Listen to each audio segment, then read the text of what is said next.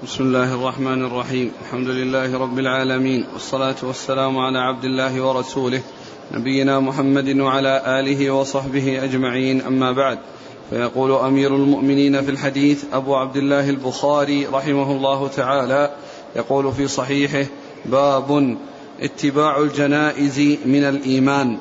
قال حدثنا أحمد بن عبد الله بن علي المنجوفي قال حدثنا روح قال حدثنا عوف عن الحسن ومحمد عن أبي هريرة رضي الله عنه أن رسول الله صلى الله عليه وعلى آله وسلم قال من اتبع جنازة مسلم إيمانا واحتسابا وكان معه حتى يصلى عليها ويفرغ من دفنها فإنه يرجع من الاجر بقراطين كل قراط مثل أحد ومن صلى عليها ثم رجع قبل أن تدفن فإنه يرجع بقيراط تابعه عثمان المؤذن قال حدثنا عوف عن محمد عن أبي هريرة عن النبي صلى الله عليه وسلم نحوه. بسم الله الرحمن الرحيم. الحمد لله رب العالمين. وصلى الله وسلم وبارك على عبده ورسوله نبينا محمد وعلى آله وأصحابه أجمعين. أما بعد فيقول الإمام البخاري رحمه الله باب اتباع الجنازة من الإيمان. هذه الترجمة كغيرها من التراجم التي تكررت عند البخاري في تعداد شعب الإيمان وخصال الإيمان وذلك بعد أن أورد الحديث الذي فيه خصال الإيمان وأورده فيه حديث شعب الإيمان صار بعد ذلك يعدد الأمور التي فيها وصف فعلها بأنه إيمان وذلك لبيان شعب الإيمان وخصال الإيمان. فهذه من جملة التراجم وقد مر بنا تراجم كثيرة فيها كذا من الإيمان كذا من الإيمان الصلاة من الإيمان الزكاة من الإيمان ليلة القدر قيام ليلة القدر من الإيمان قيام رمضان من الإيمان وهكذا. ثم ذكر هذه الترجمة اتباع الجنازة من الإيمان. ثم أورد هذا الحديث عن أبي هريرة رضي الله تعالى عنه أن النبي صلى الله عليه وسلم قال من تبع جنازة مسلم حتى صلى عليها وحتى يفرغ من دفنها فإنه يرجع بقراطين والقراط مثل جبل أحد يعني أنه أجر عظيم مثل جبل أحد فإن صلى عليها ولم يعني يشارك في اتباعها والذهاب لدفنها فإنه يرجع بقراط واحد. ومعنى هذا أن القراطين اللذين يظفر بهما الإنسان إذا حصل منه الصلاة والاتباع حتى تدفن. أما إن صلى عليها ورجع فإنه يحصل له قراط واحد. يحصل له قراط واحد والقراطان يحصلان بمجموع حصول الأمرين.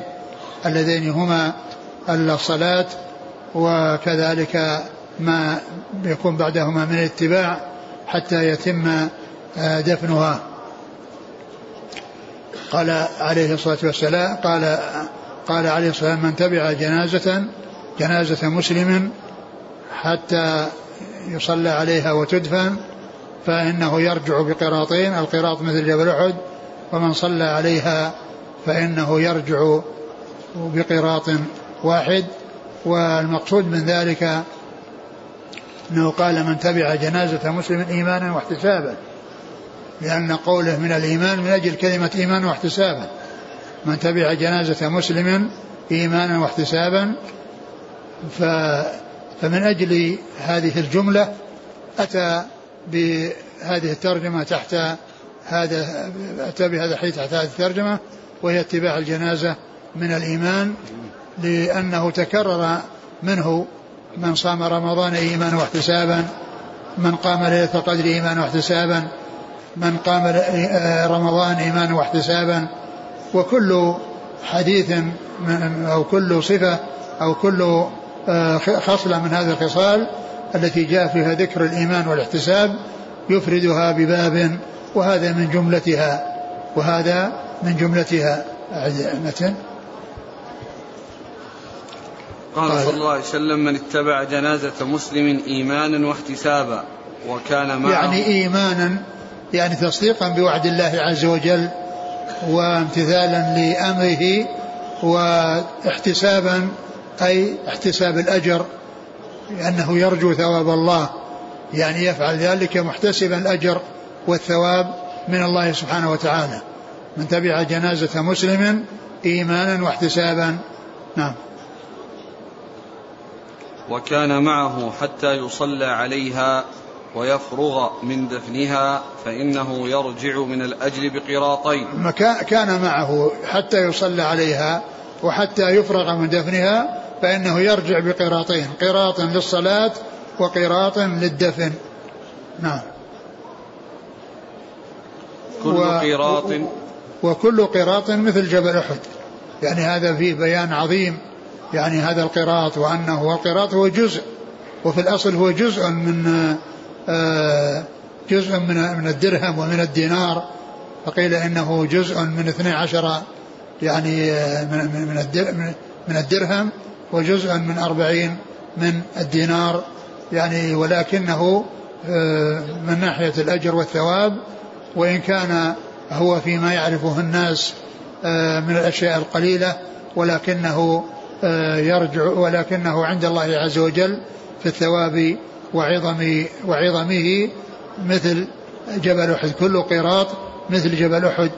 والنبي صلى الله عليه وسلم مثل به لأنه الجبل الذي يشاهده الناس في هذه المدينة ويعرفونه في هذه المدينة فمثل لهم بالجبل المعروف عندهم الذي يعرفونه وأن الأجر العظيم والثواب الجزيل من الله عز وجل أن كل قيراط فهو يماثل ذلك الجبل العظيم. نعم. ومن صلى عليها ثم رجع قبل أن تدفن فإنه يرجع بقيراط. ومن صلى عليها ثم رجع قبل أن تدفن يعني أنه لم يشارك في في في دفنها أو أنه ذهب ولكنه رجع قبل دفنها فإنه يكون له قراط واحد. ولكنه إذا جمع بين الأمرين بأن صلى عليها وذهب معها واستمر معها حتى تدفن فإنه يكون يحصل يظفر بهذين القراطين. وإن اكتفى بالصلاة فإنه يظفر بقراط واحد. و وقد ذكر وقد جاء الحديث يعني في أن يعني عن ابن عمر رضي الله تعالى عنه أنه لما سمع الحديث عن رسول الله صلى الله عليه وسلم وبلغه ذلك قال لقد فرطنا في قراريط كثيرة. لقد فرطنا في قراريط كثيرة يعني أن أنه فوتنا على أنفسنا ذلك الأجر العظيم والثواب الجزيل الذي يكون بفعل الصلاة وبفعل اتباع الجنازة حتى تدفن قال قد فرطنا في قراريط كثيرة يعني ضيعنا على أنفسنا ولم يحصل منا آه، يعني آه، تحصيل هذا وفي هذا بيان ما كان عليه الصحابة رضي الله عنهم من الحرص على الخير ومن التأثر إذا فاتهم شيء من يعني من من من من, من, من, من الثواب بسبب آه، لكونهم يعني لم يعرفوا يعني فضله ويعرفوا جزاءه وحصل منهم آه، أن فاتهم يعني هذا العمل الذي فيه هذا الأجر فكانوا يندمون على ما قد حصل وذلك لحرصهم على الخير ورغبتهم في آه، فعل الطاعات التي تقرب إلى الله عز وجل والتي فيها الثواب الجزيل من المولى سبحانه وتعالى. والإمام البخاري رحمه الله عندما ذكر الحديث الذي سيأتي وفيه قول ابن عمر فرطنا في قرارات كثيرة آآ آآ ذكرت فيما مضى أن من عادة البخاري ومن طريقة البخاري أن الحديث إذا كان مشتملا على كلمة وهناك كلمة من القرآن تماثلها فإنه بدل أن يأتي بالكلمة من الحديث ويشرحها يأتي بالكلمة التي في القرآن فيفسرها ويكون بذلك جمع بين تفسير القرآن والحديث ويكون بذلك جمع بين تفسير القرآن والحديث وهذه من طريقة البخاري رحمه الله في تفسير الكلمات الغريبة عندما يكون هناك في القرآن كلمة تماثلها فإنه يأتي بالكلمة التي تماثلها من القرآن ويبين معناها ويكون بذلك بين معنى الآية التي جاءت فيها بين الكلمة التي جاءت في الآية في القرآن وبين تلك الكلمة التي تماثلها والتي جاءت في حديث الرسول صلى الله عليه وسلم. لأنه ما قال فرطنا فرطنا ضيعنا وإنما قال فرطت في أمر الله ضيعت من أمر الله ضيعت من أمر الله.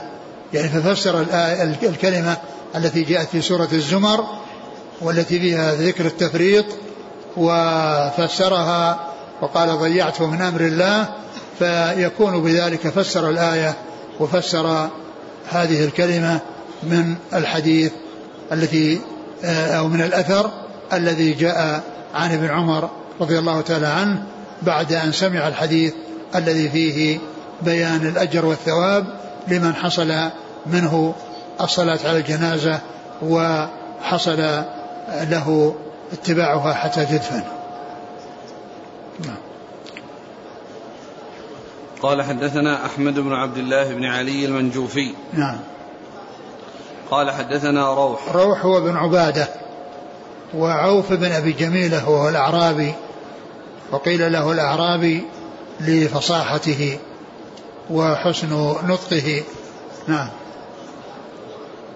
عن الحسن ومحمد. الحسن بن أبي الحسن البصري ومحمد بن سيرين ومحمد بن سيرين معروف بالرواية عن, عن, أبي هريرة. وأما الحسن بن أبي الحسن ففي خلاف. يعني هل سمع من أبي هريرة أو لم يسمع؟ ولكنه هنا ذكره مقرونا. والعمدة في ذلك على رواية محمد بن سيرين. ثم إنه ذكر الرواية الأخرى التي فيها المتابعة لأنها من رواية محمد بن سيرين وحده وليس معه الحسن. فإذا الإسناد الأول فيه الحسن ومحمد ومحمد يروي كثيرا عن عن أبي هريرة والحسن مختلف في سماعه من أبي هريرة ومختلف في سماعه منه وروايته عنه وهو أيضا مدلس ولكن البخاري اعتمد على رواية محمد والحسن كان معه في هذه الرواية ثم إنه ذكر المتابعة التي اقتصر فيها أو اقتصر فيها على رواية محمد بن سيرين عن أبي هريرة وليس معه الحسن.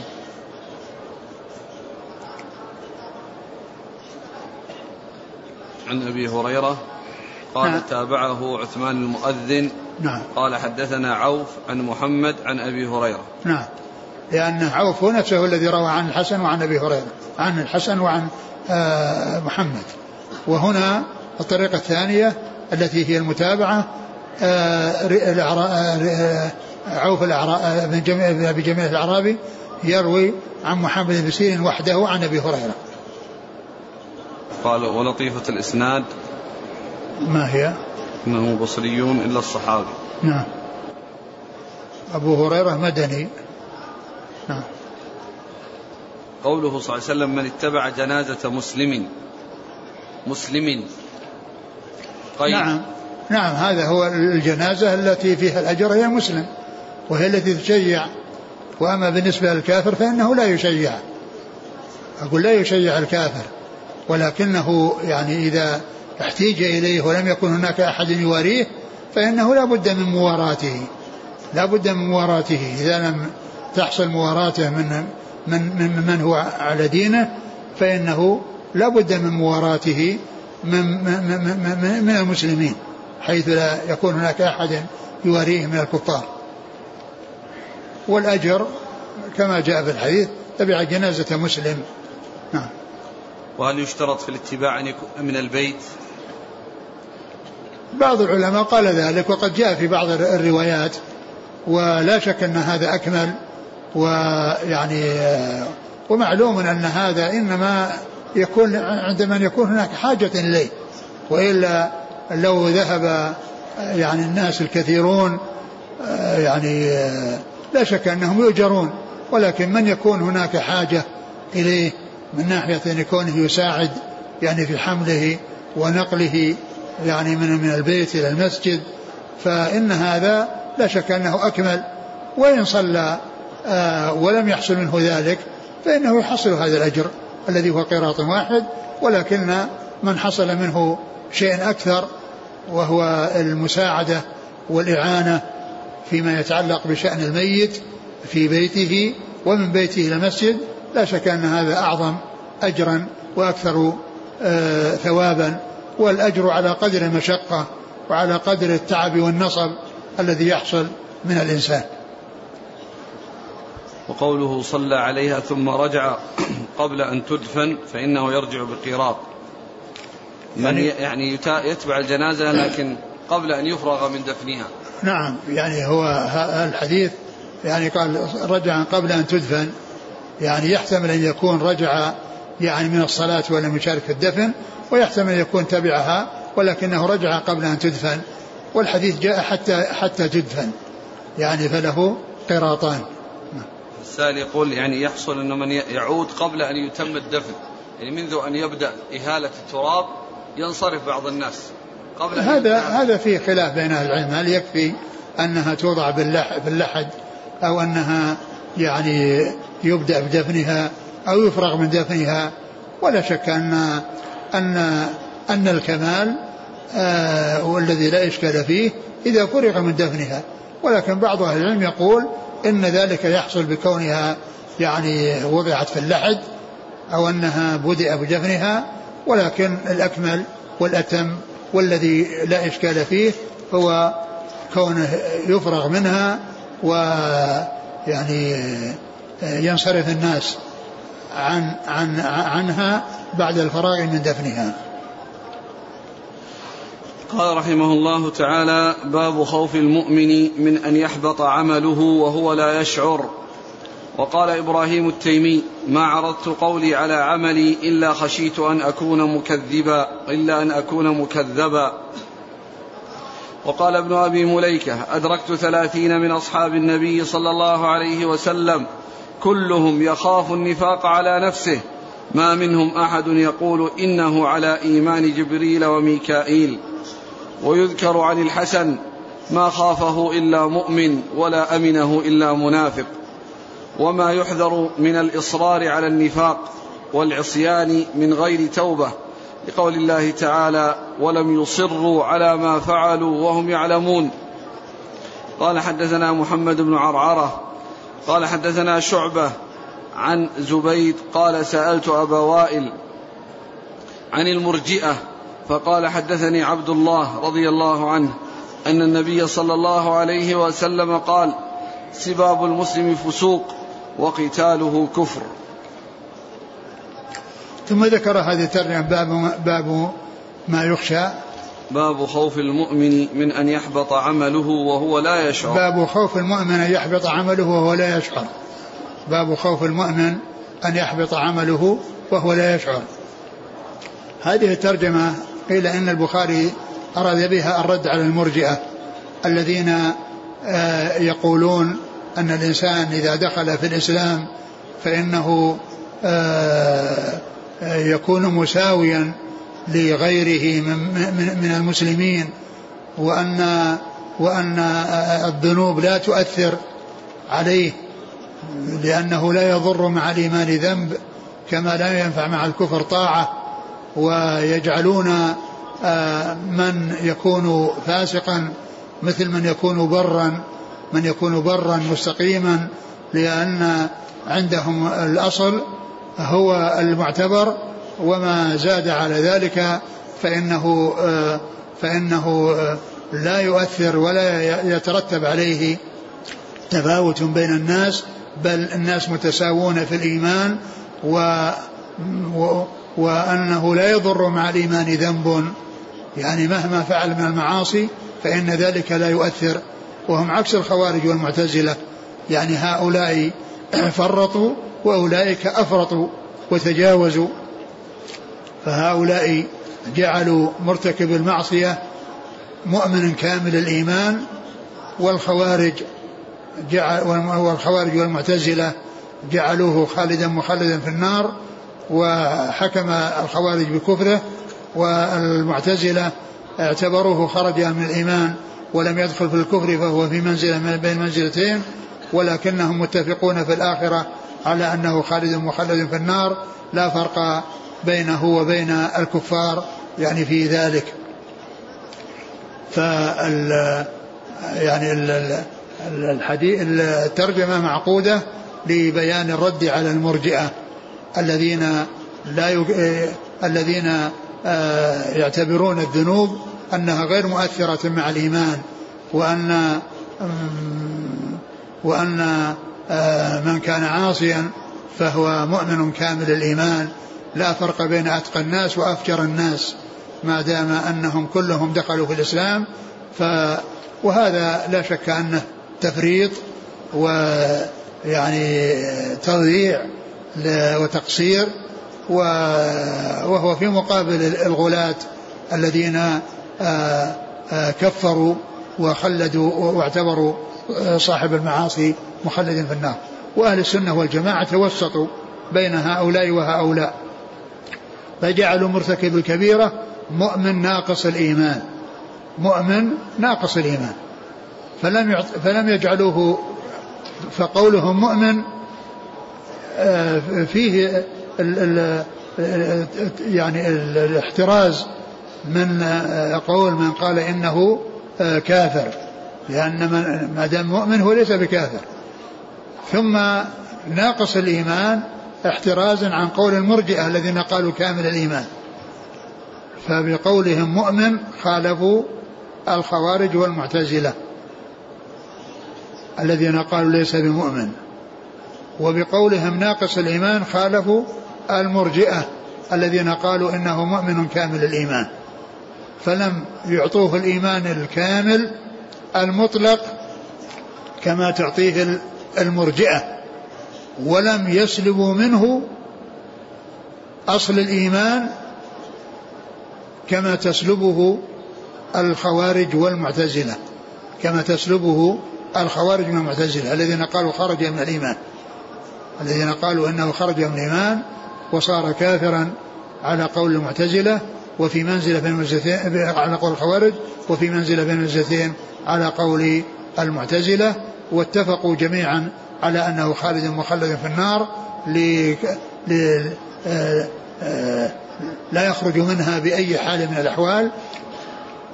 فأهل السنة وسط بين الإفراط والتفريط بين المفرطين الذين آه، لا يبالون بالمعاصي وأنها لا تضر مع الإيمان وبين المفرطين الذين يكفرون بالمعاصي ويعتبرون صاحبها صاحبها يعتبرون خالدا مخلدا في النار.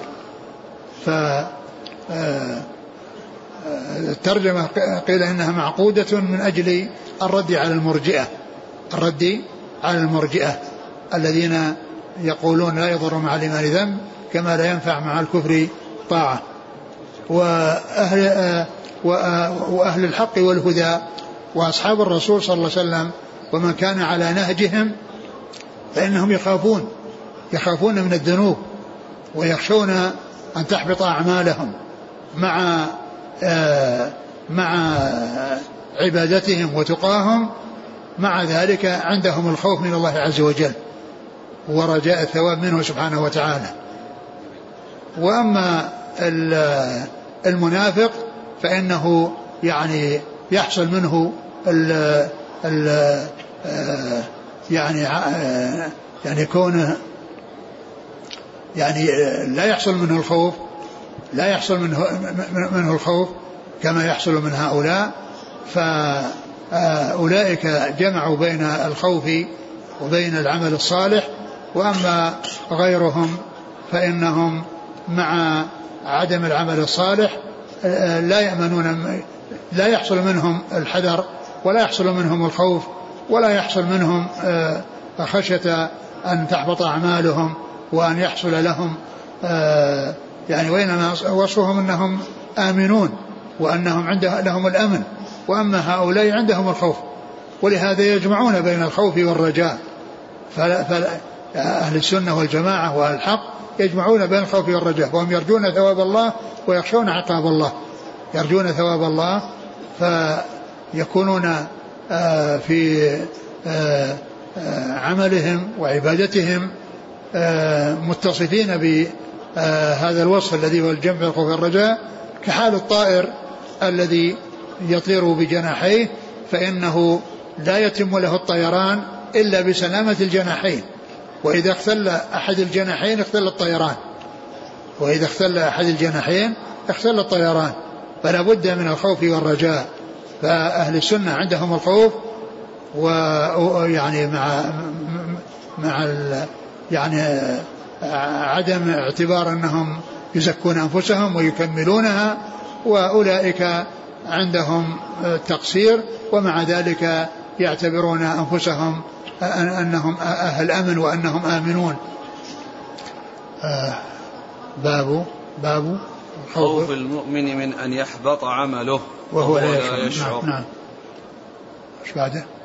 بما يحبط العمل يحبط العمل يعني كما هو معلوم آه، بالشرك بالله عز وجل وبكونه يرائي به فإن آه، الإنسان إذا عمل عملا أشرك فيه مع الله غيره يعني رياء فإنه لا يكون آه، لله عز وجل ولا يستفيد منه صاحبه. ولهذا قال الله عز وجل في القدس أنا أغنى الشركاء عن الشرك من عمل عملا أشرك فيه معي غيري تركته وشركه. فإذا عمل رياء وصلى رياء أو عمل رياء فإنه لا يحصل الأجر ويحبط عمله بهذا بهذه النية السيئة وبهذا القصد السيء. نعم. وفي الصدقات. نعم. وفي باب الصدقات. في باب الصدقات كذلك إذا كان تصدق من أجل الرياء من أجل مراءة الناس ولم يحتسب الأجر عند الثواب من الله عز وجل فإنه لا يستفيد من هذه الصدقة. قوله تعالى لا تبطلوا صدقاتكم. بالمن والأذى. وكذلك نعم. فيها كون يعني هذا من أسباب يعني آه، حرمان الأجر والثواب. يعني كونه يتصدق ثم يحصل منه المن والأذى للناس الذين يتصدق عليهم لا ترفعوا أصواتكم. فوق صوت النبي أن تحبط أعمالكم وأنتم لا تشعرون. نعم. قال إبراهيم التيمي ما عرضت قولي على عملي إلا خشيت أن أكون مكذبا. ما عرضت قولي على عملي يعني معناه عندهم أن أنه لابد من مطابقة الأقوال للأعمال. لابد أن يتطابق القول والعمل حتى يكون حتى يكون العمل مقبولا وحتى يكون صالحا. أما إذا حصل منه القول ولم يحصل منه العمل فيكون شأنه كمن قال الله عز وجل تأمر الناس بالبر وتنسون أنفسكم. يا أيها الذين ما تقولون ما لا تفعلون؟ كبر مقتا عند الله أن تقولوا ما لا تفعلون. كبر مقتا عند الله أن تقولوا ما لا تفعلون. فكانوا آه، يحرصون على أن تكون أقوالهم وأن آه، وأعمالهم متفقة. ويقول إبراهيم التيمي ما عرضت قولي على عملي إلا خشيت أن أكون مكذبا. يعني أن الناس يعني يرون يعني كلامه ويستمعون كلامه الطيب ويعني يكون عمله يعني لا يتفق مع قوله فيخشى أن يكون مكذبا فيما يقول وفيما يرشد إليه من الخير. ولهذا كان كانوا حريصين على أن يعني يصدقوا الأقوال بالأعمال وأن تكون أعمالهم مطابقة لأقوالهم وأن يقولوا الحق ويعملوا به. لا أن يكون شأنه أن يقول الحق ثم لا يعمل به أو يرشد الناس إلى الخير ولا يعمل ذلك الخير بل إذا دعا الناس إلى أمر معروف عليه أن يكون أسبق الناس إلى فعله وإذا حذرهم من أمر منكر فعليه أن يكون أسرع الناس إلى المبادرة عنه والتخلص منه ومن تبعاته. ما عرضت قولي. على فعلي إلا خشيت أن أكون مكذبا. نعم. وقال ابن أبي مليكة أدركت ثلاثين من أصحاب النبي صلى الله عليه وسلم كلهم يخاف النفاق على نفسه. ما منهم أحد يقول إنه على إيمان جبريل وميكائيل. ثم ذكر ابن أبي مليكة ومن أدركه من الصحابة أنهم كانوا يخشون النفاق على أنفسهم يعني وما فيهم أحد يزكي نفسه. ويقول أنها كامل الإيمان وأن إيمانه مثل إيمان جبريل وميكائيل الذين هم ملائكة لا يعصون الله ما أمرهم ويفعلون ما يؤمرون وإنما آه يحصل منهم آه آه يعني مع مع كمالهم ومع إيمانهم آه يعتبرون أنفسهم مقصرين ويتواضعون لله عز وجل. ولهذا آه عائشة أم المؤمنين رضي الله عنها وأرضاها الصديقة بنت الصديق آه الله عز وجل أنزل براءتها في آيات تتلى من كتاب الله عز وجل. ومع ذلك كانت ترى أنها ما كانت تتوقع أو تظن أنه يحصل براءتها بآيات تتلى وإنما كانت تؤمل وتتمنى أن يرى النبي صلى الله عليه وسلم في منامه رؤيا يبرئها الله عز وجل بها و ثم قالت مهونة من شأنها عند نفسها قالت ولا شأني في نفسي أهون من أن ينزل الله في آيات تتلى. يعني ما استحق أن ينزل بقرآن. يعني فجمعوا بين بين الإحسان والتواضع لله عز وجل. بين الإحسان والتواضع لله عز وجل. فيقول إبراهيم التيمي أن ابن أبي مليكة أنه أدرك آه، كم؟ ثلاثين؟ نعم. ثلاثين من أصحاب النبي صلى الله عليه وسلم كلهم من يخشى النفاق على نفسه.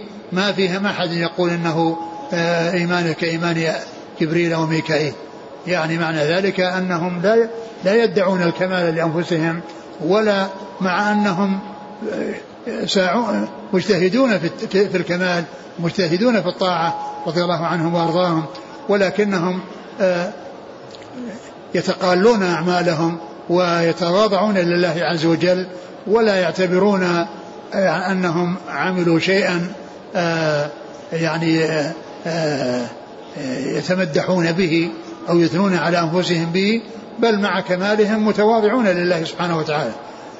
ف فكان الواحد منهم يخشى النفاق ويخشى وقيل إن المقصود بالنفاق النفاق العملي. النفاق العملي الذي يعني مثل إخلاف الوعد ومثل يعني يعني التقصير في الأمانة أو ما إلى ذلك. ما منهم أحد يقول أنه على إيمان جبريل وميكائيل. نعم. ويذكر عن الحسن ما خافه إلا مؤمن ولا أمنه إلا منافق. ويذكر عن الحسن ابن أبي الحسن البصري ما خافه إلا النفاق إلا مؤمن ولا أمنه إلا منافق. يعني المنافق هو الذي لا يبالي واتصافه بصفات المنافقين وبأعمال المنافقين. يعني هذه لا يبالي بها. ومع ذلك يعني جمع بين المعصية وبين الوقوع في المحرمات ومع كونه يعتبر نفسه أن في أمان وأنه آمن. وأما أولئك فإنهم يخشون على أنفسهم ولا يعتبرون أنهم يصفون أنفسهم بالكمال بل مع جدهم واجتهادهم فإنهم يعتبرون أنفسهم مقصرين.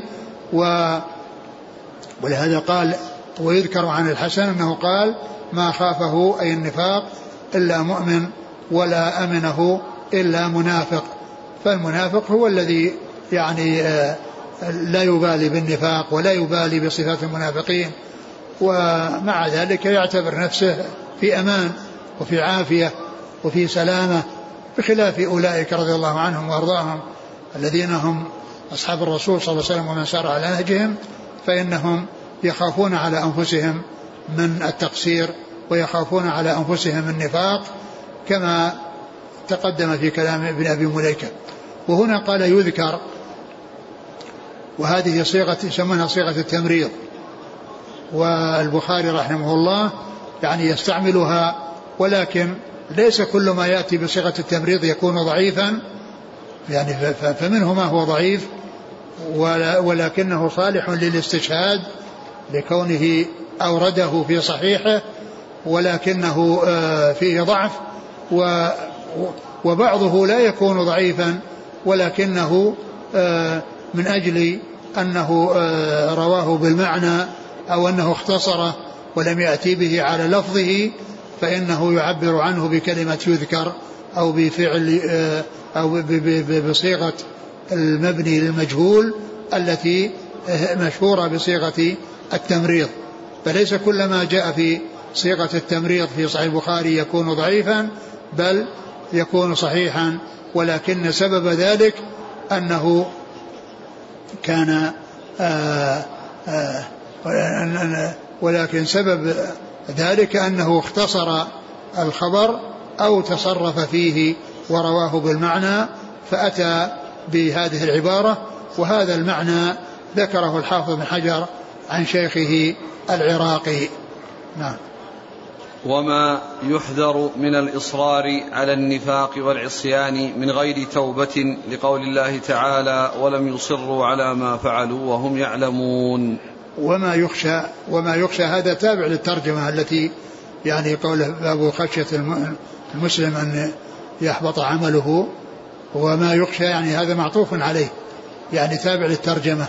وما يحذر وما يحذر من كلام البخاري وما يحذر من الإصرار على النفاق. نعم وما يحذر من الإصرار على النفاق. هذا كلام البخاري. يعني أتى به تابعا للترجمة وفصل بينه وبينها بالآثار التي تتعلق بالفقرة الأولى التي ذكرها. الفقرة الأولى التي ذكرها ثم ذكر هذه الفقرة وأتى بالحديث الذي يتفق معها ويكون مطابقا لها. وفي أكثر النسخ يعني بدل النفاق التقاتل. وهذا هو الذي يطابق الترجع الحديث الذي سيأتي وقتاله كفر. وقتاله كفر فإن أكثر النسخ فيها بدل النفاق التقاتل. وما يخشى وما يخشى. وما يحذر. من الإصرار على النفاق والعصيان. وما يحذر من الإصرار على التقاتل والعصيان. يعني بدل النفاق التقاتل. وفي بعضها النفاق. وفي بعضها النفاق. والنسخة التي شرح عليها الحافظ حجر فيها التقاتل. وقال إن هذا أكثر الروايات. وهذا هو الذي يطابق الحديث لأن الحديث فيه تقاتل وفيه قتال حيث قال سباب المسلم فسوق وقتاله كفر. سباب المسلم فسوق وقتاله كفر. يعني فمعنى ذلك أن أن هذا من من السباب من الفسوق التي هي معاصي والقتال هو الكفر هو يعني قتال الكفر وهو أشد من من الفسوق وذلك أن القتل أشد من من السباب لأن السب فيه نيل من العرض وأما القتل فيه إزهاق للنفس فلم فلم يكونا مستويين. هذا وصف بأنه آه، آه، فسوق وهذا وصف بأنه كفر وهو كفر دون كفر. هو من الكفر الذي لا يخرج من الملة لأن القتال والمقاتلة حصول يعني المسلم قتاله إنما هو كفر وهو أخطر من السباب الذي هو فسوق الذي هو فسوق. قال وما وما يحذر من الإصرار على النفاق والعصيان. ما يحضر من الإصرار على النفاق أو التقاتل والعصيان الذي هو المعصية والإصرار على المعصية يعني أمره خطير حتى وإن كانت المعصية آه، صغيرة من الصغائر فإن الإصرار عليها يلحقها بالكبائر كما أن الكبائر إذا اقترن معها الخوف والخجل والندم فإنها تتلاشى وتضمحل. ولهذا جاء عن ابن عباس رضي الله تعالى عنهما أنه قال لا كبيرة مع الاستغفار ولا صغيرة مع الإصرار يعني أن الكبيرة مع الندم عليها وحصول الاستغفار منها وخوف الله عز وجل فإنها تتلاشى وتضمحل حتى لا تبقى كبيرة. وأما الصغيرة إذا أصر عليها فإنها تلتحق بالكبائر يعني كونه لا يبالي بها فإنها تضخم وتعظم حتى تلتحق بالكبائر. وهذا معنى قوله رضي الله عنه ولا صغيرة مع الإصرار فالمعاصي إذا أصر عليها خطرها عظيم لأن الإنسان يكون متعلق بالذنب ونفسه متعلقة بالذنب وحريص على الذنب. متى وجد السبيل إليه؟ فإنه يعني يفعله.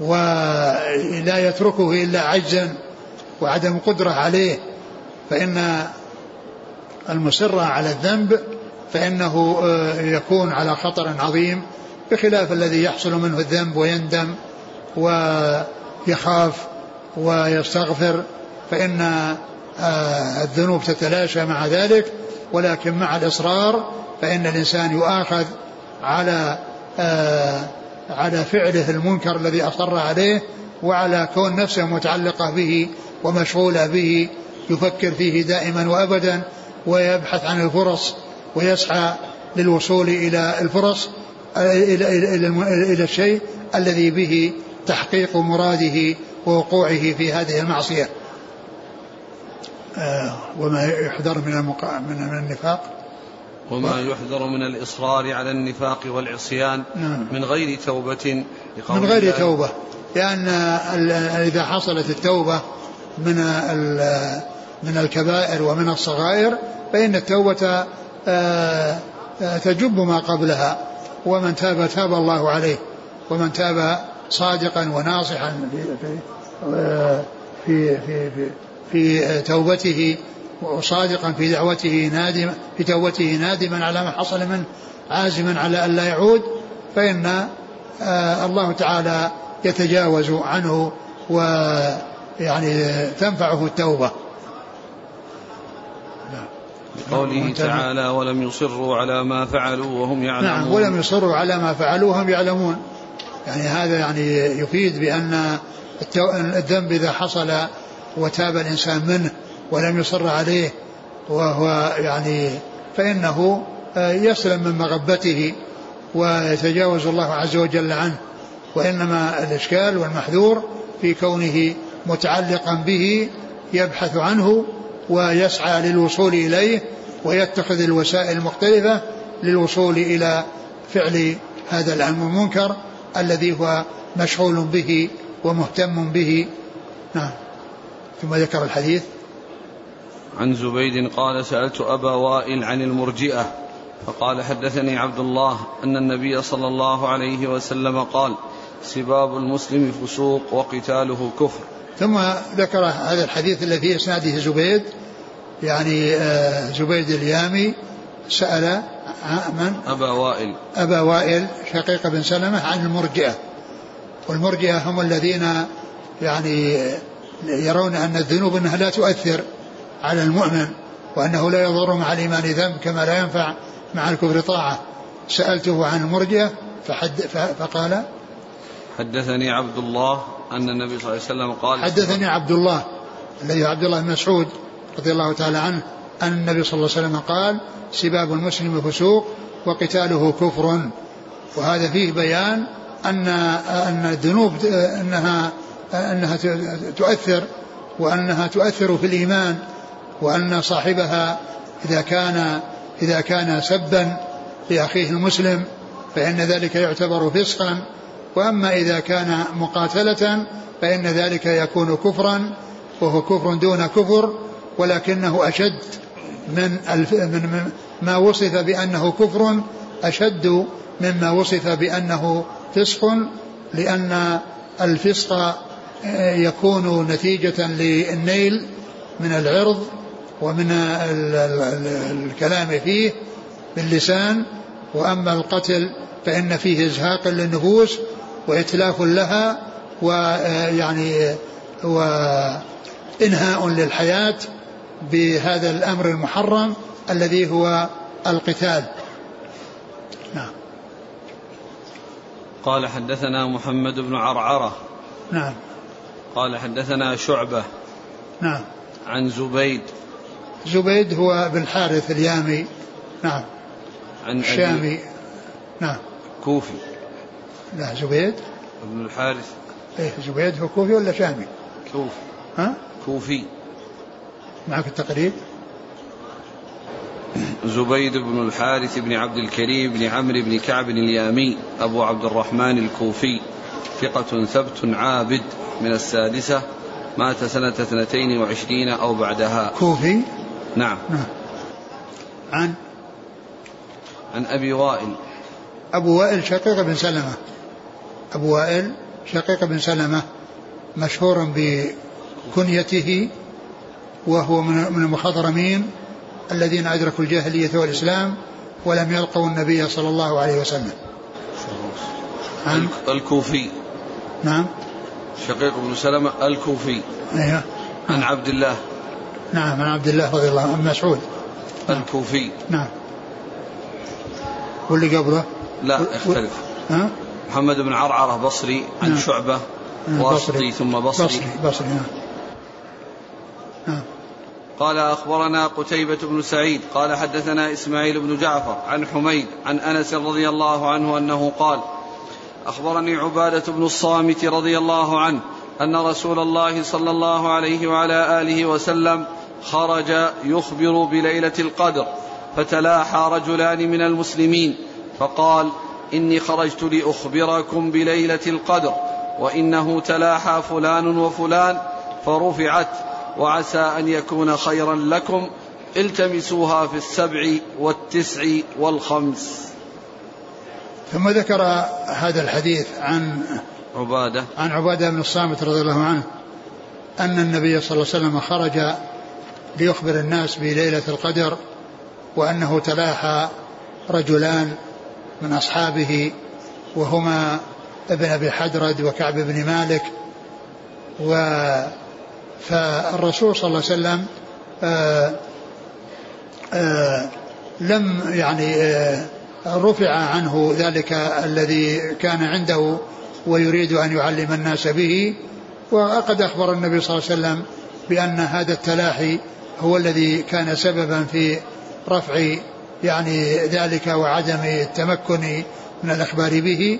والنبي صلى الله عليه وسلم قال عسى أن يكون خيرا.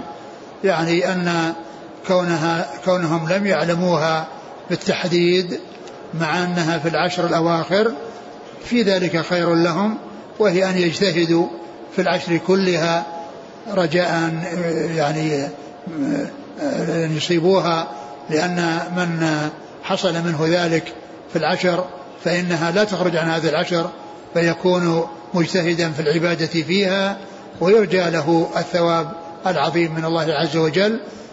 فقال عسى أن يكون خيرا يعني أن كونهم لم يعلموا أو لم يخبروا بها بالتحديد في, الليل في ليلة معينة أنه قد يكون في ذلك الخير لهم من أجل أن يجتهدوا في الليالي كلها من أجلها. ولو علمت ليلة القدر بالتحديد لا حصل الاجتهاد فيها وقد يغفل عن الليالي الأخرى ولكنها إذا كانت مبهمة في العشر وهي لا تخرج عنها والإنسان اجتهد فيها من أولها إلى آخرها فإنه يكون بذلك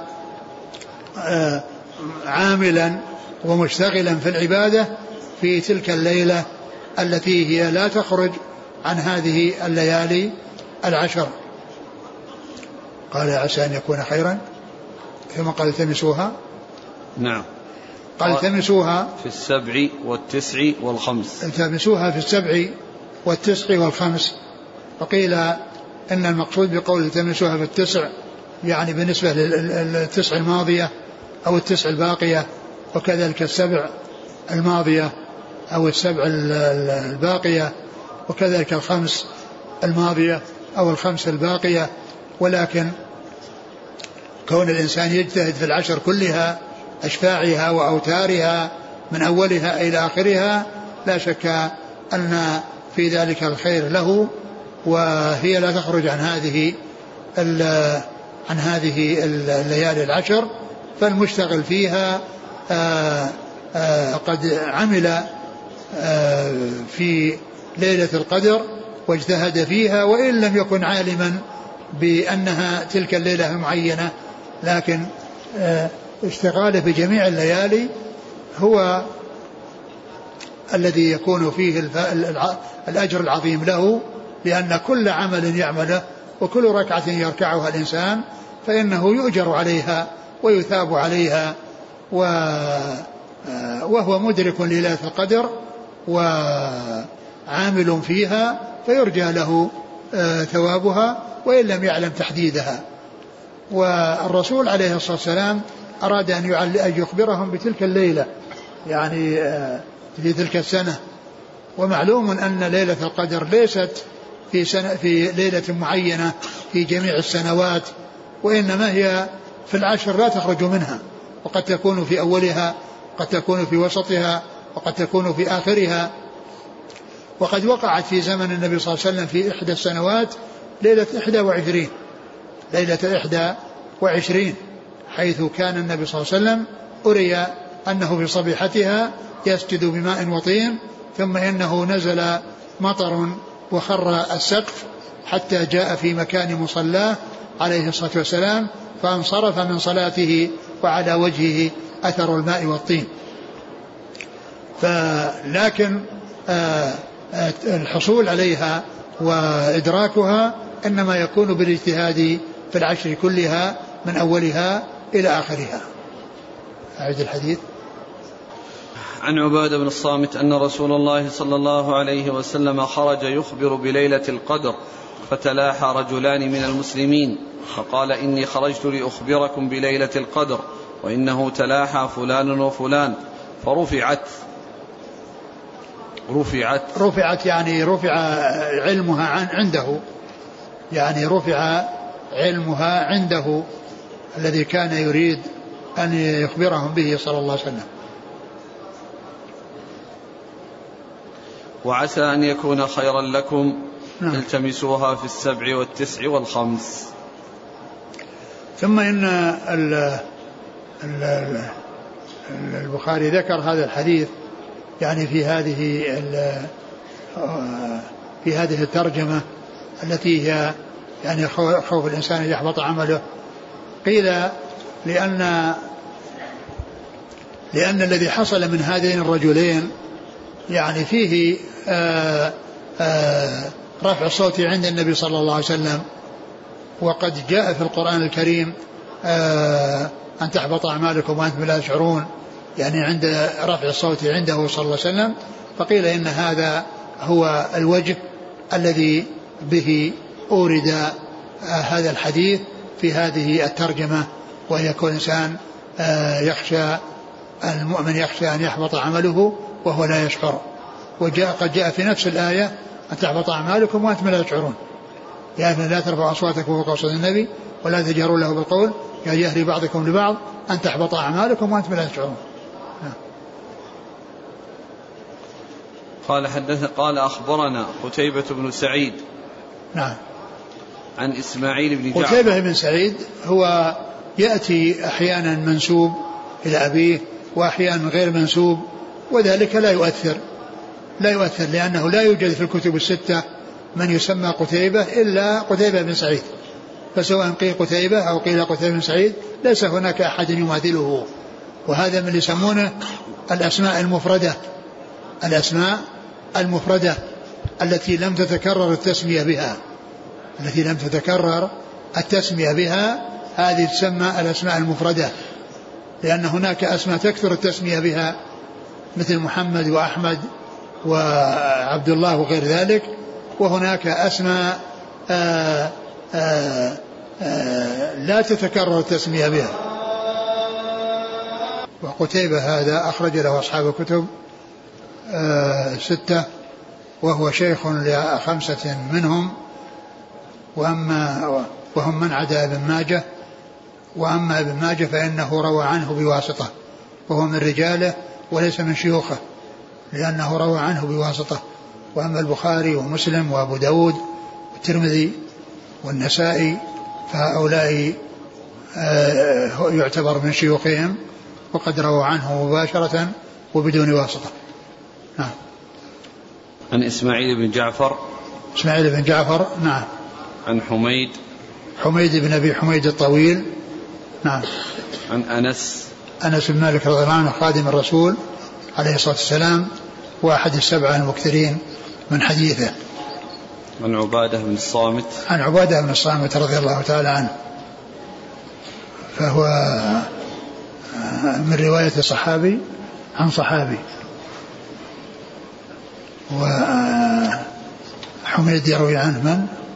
إسماعيل بن جعفر نعم والله تعالى أعلم وصلى الله وسلم وبارك على عبده ورسوله نبينا محمد وعلى آله وأصحابه أجمعين. جزاكم الله خيرا وبارك الله فيكم والهمكم الله الصواب ووفقكم للحق. نفعنا الله بما سمعنا وغفر الله لنا ولكم وللمسلمين أجمعين آمين. يقول أحسن الله إليك ما العمل إذا كان وقت الدفن تقع فيه بعض البدع كقراءة سورة ياسين أو شيئا من القرآن قراءة جماعية؟ هل نبقى حتى يفرغ من الدفن أم نغادر قبل الدفن؟ ونحن إذا غادرنا نخشى أن تحصل أمور وبدع أخرى. آه عليكم أنكم تنبهون. وتعملون على السلامة من هذه الأشياء المنكرة بحيث يعني تبينون ذلك. وعسى أن يتحقق هذا الشيء وبذلك تجمعون بين الحسنيين بين النهي عن المنكر وبين السلامة منه وبين الاستمرار في اتباع الجنازة حتى يفرغ من دفنها. يعني بقاؤكم مع الإنكار هذا هو الذي ينبغي. والحرص على الإنكار والتنبيه عليه وعدم التهاون فيه والسكوت عن ذلك لأن السكوت هو الذي يجعل الأمور تمشي وتستمرأ ويستهان بها ولكن عند عند النصح وعند التوجيه والإرشاد وبيان أن الذي ينبغي للمسلم أن يكون على ما كان عليه سلف هذه الأمة وسلف هذه الأمة ما كانوا يفعلون هذه الأشياء المنكرة. نعم. يقول هل تصح الصلاة على من قتل نفسه؟ نعم. يصلى عليه. يصلى عليه. لكن يعني إذا ترك بعض الناس الذين لهم شأن يعني الصلاة عليه من أجل الزجر والتأديب للناس الآخرين فإن ذلك ينبغي وإلا فإنه يصلى عليه ولا تترك الصلاة على قاتل نفسه. هل هذه العبارة صحيحة؟ من لم يخف النفاق فهو منافق. من؟ لم يخف النفاق فهو منافق.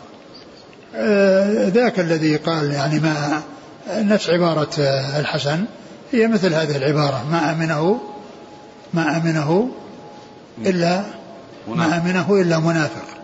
لكن آه، كل إنسان يعني إذا كان أصحاب الرسول صلى الله عليه وسلم يخافون فغيرهم من باب أولى. هل يؤخذ من الأثر عن ابن أبي مليكة أن الملائكة أفضل من الصحابة؟ آه آه معلوم أن الصحابة رضي الله عنهم وأرضاهم يعني غير معصومين والملائكة يعني معصومون فأولئك يعني لا يحصل منهم المعصية. وأما البشر الذين هم غير الرسل والأنبياء فإنه يحصل منهم الخطأ. ولا شك أن من لم يحصل منه فإنه يعتبر أفضل.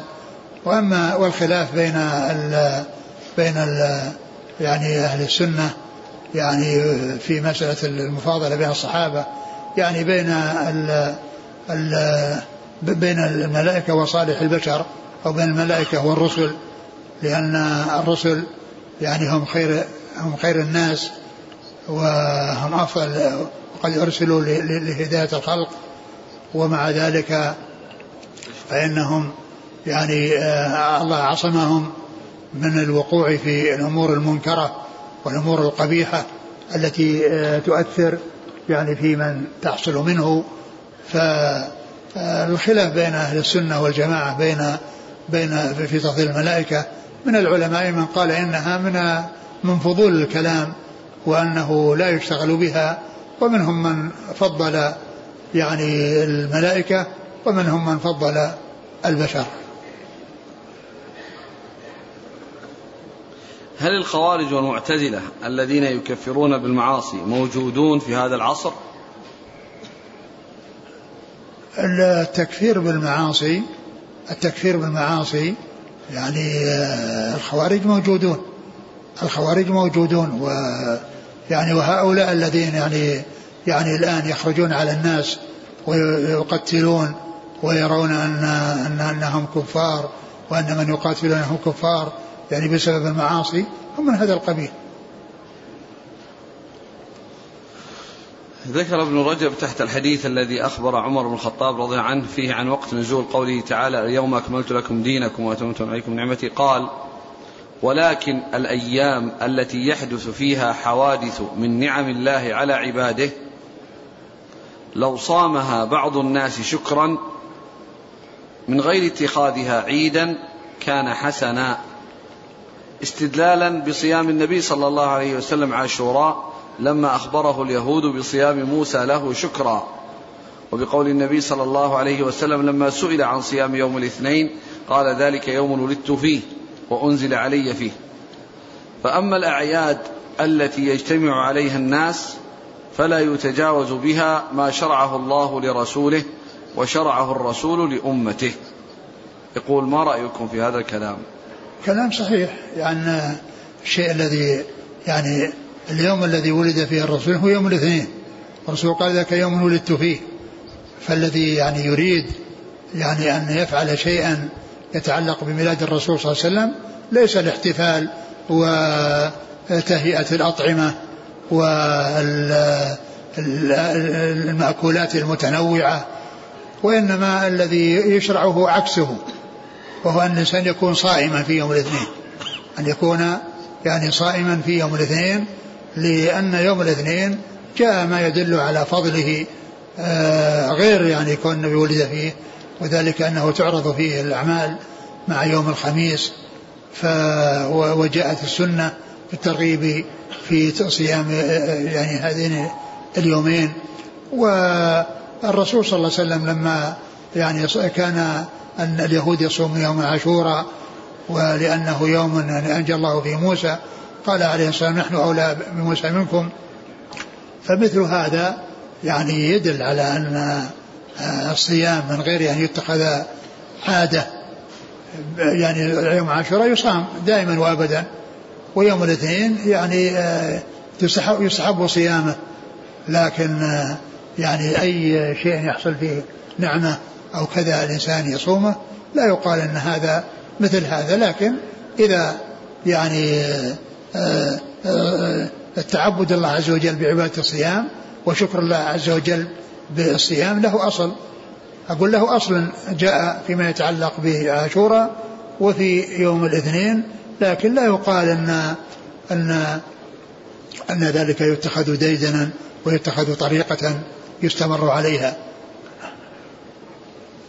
يقول ألا يدل حديث زبيد وسؤاله لأبي وائل عن بدعة